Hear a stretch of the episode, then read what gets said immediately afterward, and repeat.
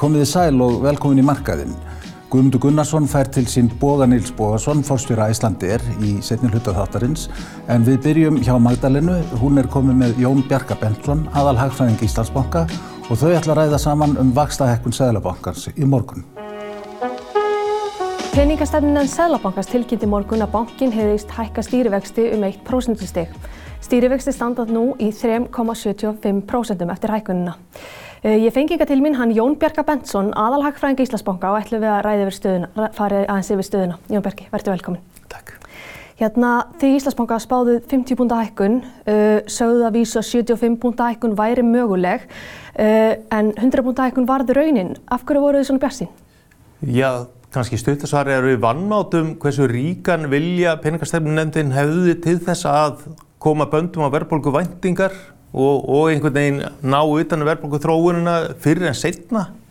Eh, við vorum að reyna svona að vega saman annars vegar auðvitað að verðbólku horfirna sjálfar hafa hríðvestnað og þar er, er okkar spárindar kemlík Sælabankanum uh, og, og, og þessa væntingar og hérna, svona horfirnar um áframhaldið er, er vissulega tvísýnd en á móti kannski áttum við vona að þau reyndu að, að dreifa hækkunataktinu meira Uh, átt að sjá því hvernig uh, hraða stýrifastahækkanir virka inn í til dæmis uh, íbúðalánamarka sem er orðin miklu næmari fyrir vastabreitingum og kannski horfa til ferðarþjónustunar sem að auðvitað er ennþá viðkvæm fyrir, fyrir kostnæðarauka eins og, eins og herri vöxtum eftir auðvitað tvö erfið ár.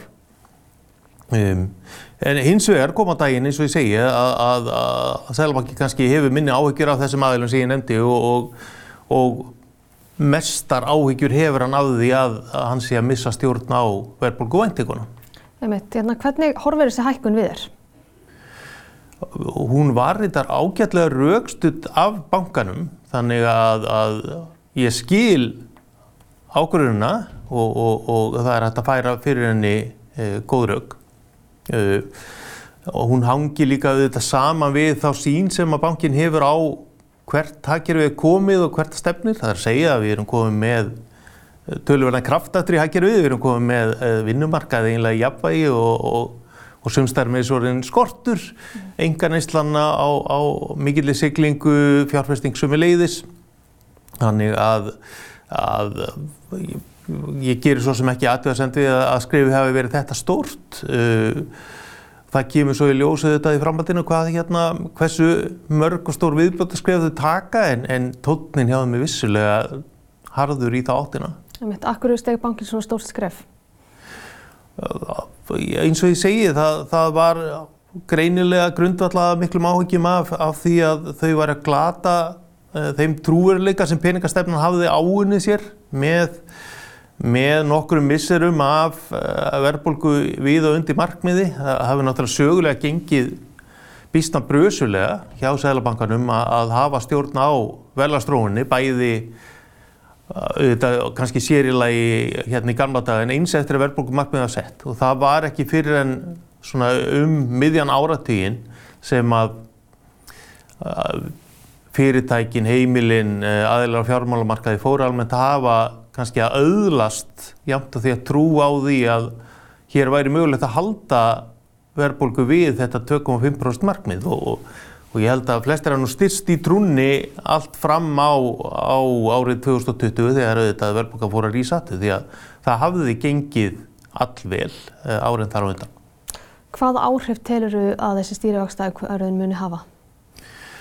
Já, var nú, hennar var nú greinilega vænst af, af mörgum þannig að, að væntalega voru, voru bæði heimili og fyrirtæki eh, að hluta búin að búa sig undir að, að vextir myndu að hækka nokkuð myndalega. Uh, henni er náttúrulega ætlað að, að slá á, uh, á verðþróun á íbúðamarkaði, á, á neistlu gleði heimilana, á fjárfestingar vilja Eh, fyrirtækjana og hvetja til eh, meiri spartnaðar, íta eh, neyslu úgjöldunum aftar í tíma og, og svona halda aftur af, af svona þessari almennu þessum almenna verðbólku þrýstingi sem, sem að virðist vera orðin í, í haggjörun okkar. Nú hversu hratt það gerist verður forvöld að sjá. Það var, það var í því í samengi áhugavert að heyra uh, eh, Sælabankastjóra lýsa því að, að þau hefðu orðið fyrir vombriðu með uh, áhrifin af, af samspili vaksta hækkanan annars vegar og, og þjóðasvarutækina sem snúað íbúðalánamarkaði á fasteinamarkaðin. Þau hafa greinlega búist til því að það að lækka hámark eh, greiðslubyrði heimilana af, af lánum og þetta lánslutallið það myndi fara að hæja á markanum þegar liða á veturinn og, og, og vestinni voru fannir að líka þetta, að tikka inn á, á íbálánin en það virðist bara einfallega ekki á gest en sem komið inn með mjög takmarkuðu mæli. En tilur það svona þegar framlýðið stundir munið þessi stýrivagstækkun ná svona koma böndum á fastegnamarkaðin? Hún verður þáttur í því á. Uh, markaðurinn nær þó ekki jafnvægi fyrir en uh, frambúðið eikst sem betur fyrir erum við að sjá tölur um að, að frambúðið sjá uppleið. Það voru yfir þrjúðust íbúður í, í byggingu um, um áramótin og eftir því sem við heyrum þá eru áallanir um frekar í fjölgun uh, nýra íbúða í ára og komandi misserum.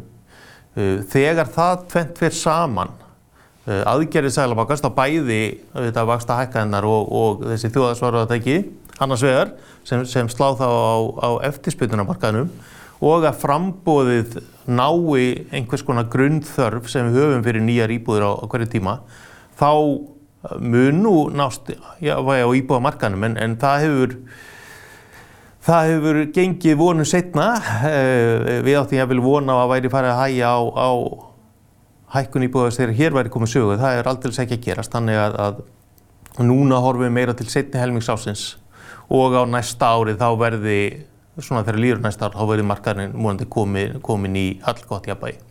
Nú er næsta vaksta ákverðun í lok júni. Uh, hvað tilur að vextir verða hækkaðar mikið þá í ljósi þessara ákverðunar í dag?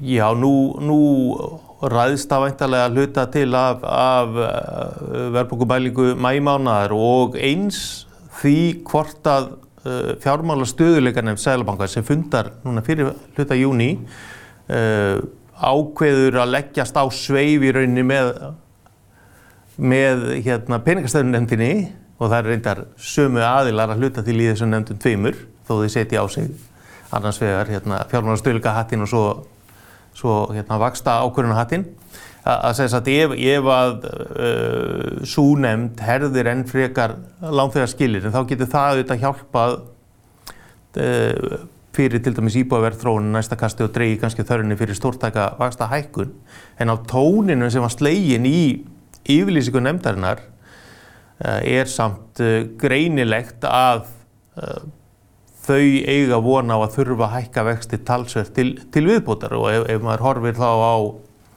á hérna, uh, verðbólgu spá bankans mm -hmm. í samhengi við þau umæli sem voru á uh, vakst ákvörna fundinum um að, að hér þyrti fyrir en setna að koma raunstýrivöxtum yfir núlið að, að þá geti orðið allstórt skref í júni. Uh, það er kannski svona, það er kannski aðeins að, að leifa ríkinu að setjast eftir, eftir dagstóra frétta en, en uh, það verður hækkun að það kemur ekki óvart á nýrði uh, hálf prósenta. Hérna uh, verðbólga mæltist 7,2% í apríl og Sæðlabankin bendir á að verðbólguhorfur hafi versnað verulega og spáði á að verði kringum 8% á þriðja og fjórða ársfjörðingi. Hvernig telur þú að verðbólga munir þróast á komandi mánu? Ertu sammála á Sæðlabankunum? Þetta er reyndar hérna, mjög í takti við okkar nýjustu spá. Uh, við gáfum út svona bráðabyrðar uh, mat fyrir verðbólku þróun á þessu ári og komandi árum eftir að verðbólku tölta byrtust í, í síðustu viku og, og sátaktur er glettilega líkur þeim sem að uh, spáðir núna hjá Sælabankunum. Það er að segja að verðbólka kíki yfir 8% uh, í sumar, farið svo að hjáðuna hægt og bítandi en verði all mikil á næsta ári og, og komist ekki í tæri við verðbólkumarkmiðið fyrir en svona undir lók næst árs. Þá gerum við ráð fyrir að, að verðbólka verði komin í kringum 3% og, og, og ef ég mann rétt þá er það svona heldur hraðar í hefðuna taktur heldur en Sælabankin að spá en, en stóra myndin í nokkurn veginn svo sama.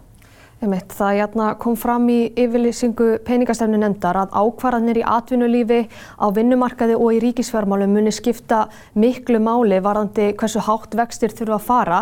E, telur það að verði teknar skinsamar ákvarðanir í þessu mefnum? Já, þetta, þetta ákall nefndarinnar er aðdeglisvert. Þau hafa auðvitað uh, stundum áður talað um þýðingu vinnumarkaðarins og, og, og hlutverk hans í, í hérna, hagstjórninni og eins þetta ríkisfjármálana en, en uh, þetta er svolítið nýlunda að þetta ákall um þessa breyðu samstöðu fyrirtækjana uh, hérna hreyfingar launafólks, uh, hins og ofinbera uh, um að taka þátt með bankanum í að, koma böndu á verðbúkuna. Þetta ákall um, um þetta svona sameilega átak, það er svolítið nýtt og, og, og það er vissulega hægt að taka hilsuðar undir það að, að, að til þess að Uh, verðbólka hjaðina nýju eftir svona þessi, þessi skellur sem, sem á okkur hefur döni núna fyrst vegna COVID og, og svo vegna Úkrænastríðsins þegar hann er um garð gengin að, að háverðbólka festist ekki í sessi það stendur svona upp á okkur sjálf, okkur öll hér í hagkerfunu en, en uh, ég er nú ekki nema hólega bjarsinn á að þetta gangi eftir. Uh, við sjáum að, að, að viðbröðum fórustu verkarlýsreyfingarnar að, að þau uh, vilja minnstakosti ekki eh, taka á sig svona megin þungan af þessum byrðum sem að, sem að átækið að koma böndu og verðbólkuna er, er vissulega heldur, heldur vísa til þess að, að, að það sé stjórnvalda fyrirtækjan á svo framvegs að taka ekki síður og ég vil meiri mæli þátt, þátt í því og, og þau þurfa að sækja aftur glataðan kaupmátt eftir, eftir þetta hraðaverðbólku þessu orði. E, ríkistjórninni hefur vissulega kynnt áallin um að, að draga nokkuð fyrr úr, úr halla á fjárlögum heldur en áður var ætlað og, og hallin var góðu heitli minni fyrra heldur en, heldur en útlita fyrir en það er nú kannski meira, meira annars vega vegna þess að, að COVID aðgerðir þurftu ekki á endanum að verða eins umfangsmiklar áallaði verið og, og hins vegar að, að hagkerri tók bara fyrir við sér og með tilherandi aukningu á, á, á launasköttum og, og virðsökarskattinum heldur en að það sé einhver svona einhver svona mikil, mikil hérna, áreinsla af, af Ríkisjós hálfu. Og vissulega er áallunin hérna, góðra gælda verð en, en En eh, ég get te aftur tekið undir það sem Selvankinn segir að, að, að hérna, ef að hann verður einnum hituna að ná tökum á verðbólkunni og, og, og aðrir aðilar, hvort sem er fyrirtækin, eh, hérna, verkefælsefingin eða, eða stjórnvöld, svona, svona skella svolítið ábyrðinni bara yfir á bankan, þá þurfa vextir að hækka töluvert meira en ella. Jón Bergi, takk að kæla fyrir komina. Takk fyrir að bjóða mér. Hér rétt eftir munan Guðmundur Gunnarsson ræða við hann Boga Nils Bogason, fórstjóra Æslandir. Farið ekki langt.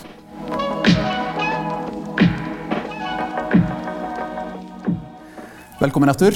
Eh, við ætlum að halda áfram að eh, ræða um efnagsmál og það sem að tengist viðskiptalífinu á Íslandi. Við ætlum þó að venda hvað okkar örlítið í kross frá því hérna fyrir hlje. Hann er komin til mín eh, Bogi Nils Bogason, fórstjóri Æslandir. Velkomin. Takk fyrir. Aðeins þessi tíðindi dagsins um, verðbólgar á flugi, stýrivaksta hækkun þú sem að eh, ferð fyrir fyrirtækið þessari stærðagráðu með mikil ítöku í íslensku viðskiptalifi hvernig eh, horfir þessi staða og kannski það sem að þetta hefur í förmað sér við, við ykkur í ykkar ekstri? Já, ef við horfum á stóra myndina í þessu þá er þetta erunni eitthvað sem er að gerast út um allan heim mm. Eh, kostnar er að hækka, verðbólga er að aukast í öllum okkar, okkar, okkar markasvæðum og Sæðlabankar viðkomandi ríkja er að bregðast við og við eins og önnur flugfjölög og flugfjölög hafa verið að, hafa verið að gangi mjög, gegnum mjög erfiða tíma og út af COVID faraldrunum að skila bara miklu tapi og það er alveg ljóst að, að það gengur ekki til lengdar og, og við þurfum að bregðast við og, og kostnar hækkanir í bara í eðlisínu fara svo inn í endan út í verðlægið. Þannig að uh, þetta mun hafa keðjuverkandi áhrif. Ég held að það sé ekki spurning, það sem er að gerast í, í aðfanga keðjunni. En uh, við þurfum náttúrulega bara, að segja, fókusur á okkar rekstur og gera eins vel og við getum í honum því að uh, þetta hefur náttúrulega áhrif á eftirspundinu og að verðlæg hækkar allt og mikið. Þannig að, en þetta er svona staðan í þessu, þetta er að gerast út um allan heim og hérna og hvað var að segja samilegt verkefni í rauninni bara alla, allara sem er í fyrirtækjarekstri og stýra hækjurum að breyðast við þessu. Mm -hmm. Sko, hérna, þetta var náttúrulega verið róstusam í tímar mm. síðastliðin ár mm. og hérna, ég veit að hérna, þú kemur til starfa í, sem fórstjóri hvað er loka ást 2018 og það hefur eiginlega ekki verið lokkmótla síðan. Eða er það ekki svona nokkurn veginn réttmetið? Jú, það er alveg nákvæmlega þannig og maður hefði alveg verið til eins og allur, eins og allur heimurinn að vera laus við hvað sig þetta stríð eh, í hérna Östur-Európu þegar við vorum svona aðeins að losna við COVID.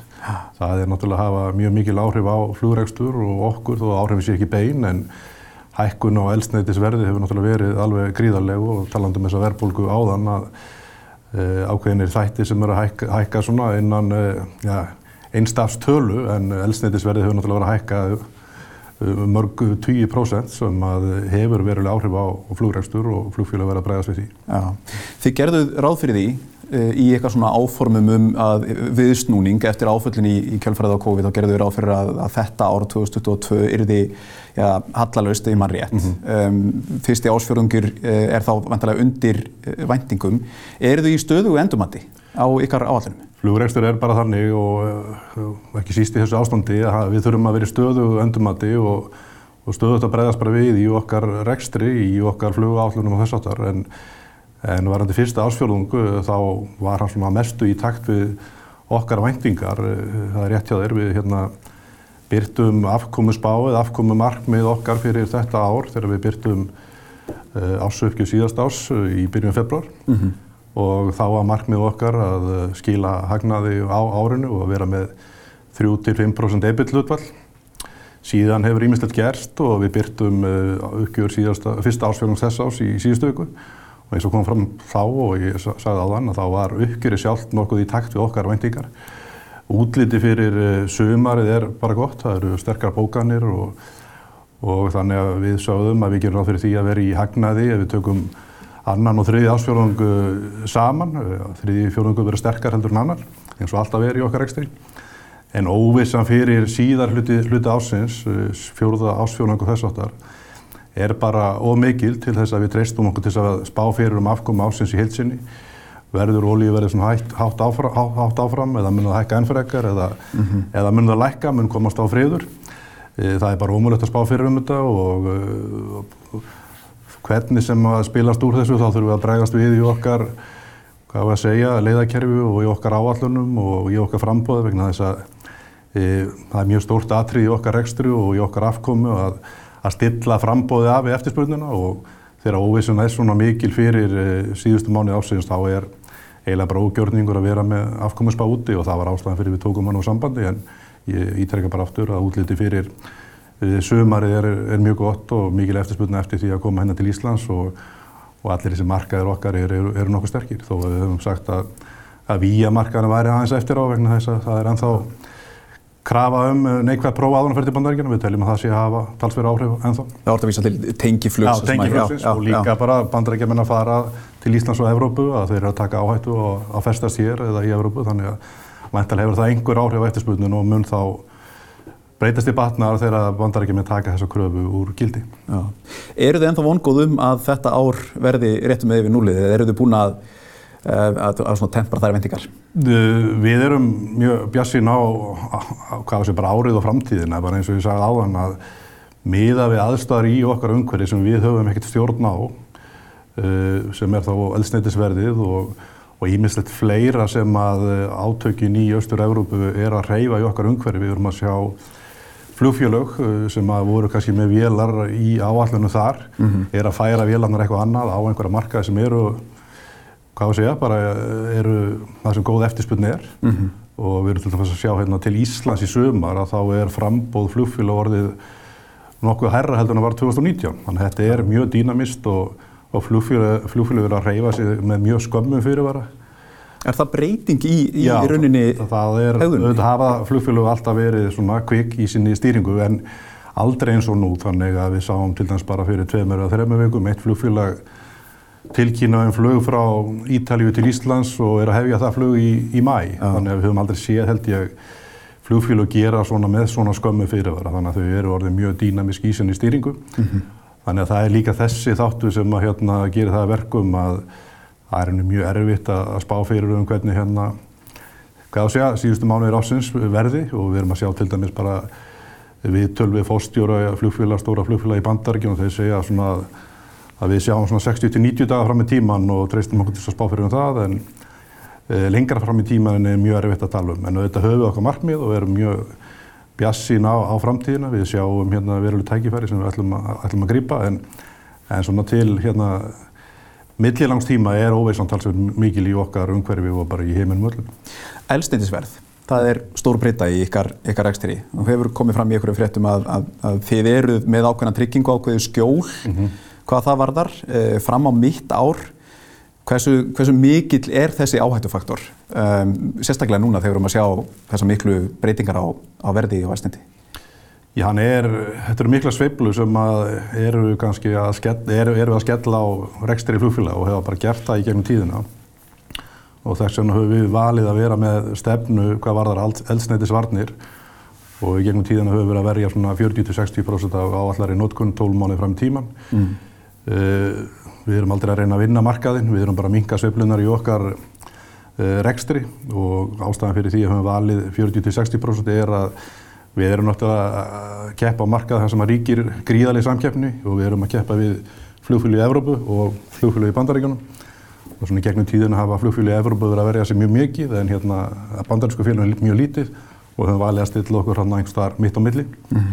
En síðan þegar COVID skalla á okkur að þá settu við þessa stefnu okkur á ís og vorum ekkert að gera neina nýja samninga en við svona, hvað að segja, flöttum út samninga sem að voru í gildi þegar COVID kom og uh, þeir eru í gildi í dag einhverjir.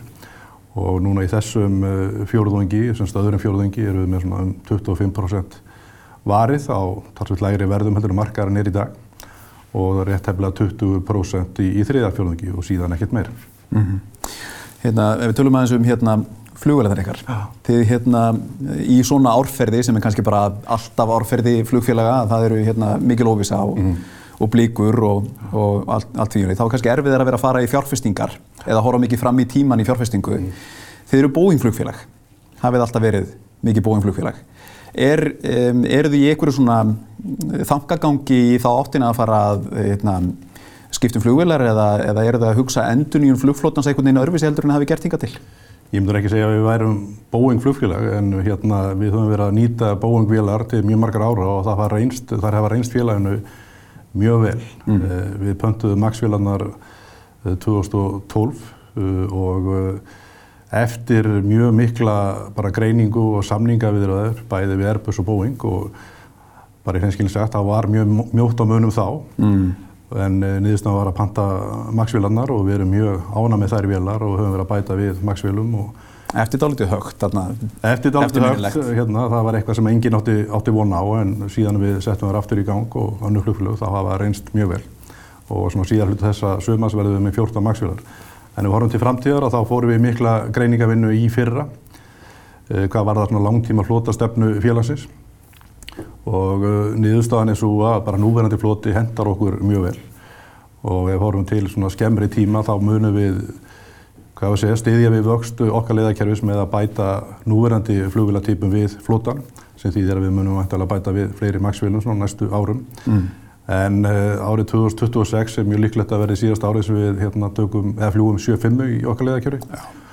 og við erum þar að leiðandi að halda áfram bara sé að taka þær út svona, stigast í í okkar flóta eins og höfum við að gera og uh, þannig á setni hlutu þessa áratögar verðum við að uh, horfa til þess að skipta þeim alveg út og við erum með tvo sé, mjög sterka möguleika á borðinu þar annars við erum að vera bara með maksvélar með 7-6 véluna sem við erum með í dag sem að reynast okkur líka mjög vel mm -hmm. og hugsalega fara úr 7-6 í 7-8-7 svona þegar tími líður á, eða undir lók þessa áratögar en síðan eru annar möguleiki sem við höfum það er að fara bara yfir í Airbus og hefja þá útskiða þá skiptingum að segja hérna 26-27 og hugsalega fara bara alveg yfir í Airbus uh, flota á einhverjum 5-7 árum. Mm -hmm.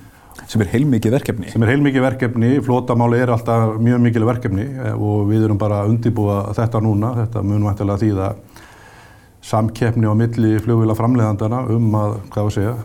Það er nú ykkur í hag. Það er í okkur hag og þess vegna er svo frábært og frábær niðurstu hann í fyrir að vera með bara tvo mjög álitlega möguleika fyrir okkar framtíðar flota. Hvenna fara, eða eru þessar viðræður alltaf í gangi? Eru þau alltaf í samtölum og viðræðum við uh, flugvila framleiðendur? Já, við erum alltaf í samtali bæði við, já, við nefnum hann, þú hefur nefnt Boeing og Airbus og við erum alltaf í samtali við þá að bara fara yfir stöðuna hjá okkur og, og hvena við förum svona næsta staði í, í svona kampæn, ef maður tala vonda íslensku. Mm -hmm. Og uh, við erum svona að gera ráð fyrir því að, og erum bara undirbúið þetta stóra verkefni sem er til langra framtíðar en uh, þetta mun nú eftirlega gerast á næstu svona 12-18 mánuð. Mm -hmm.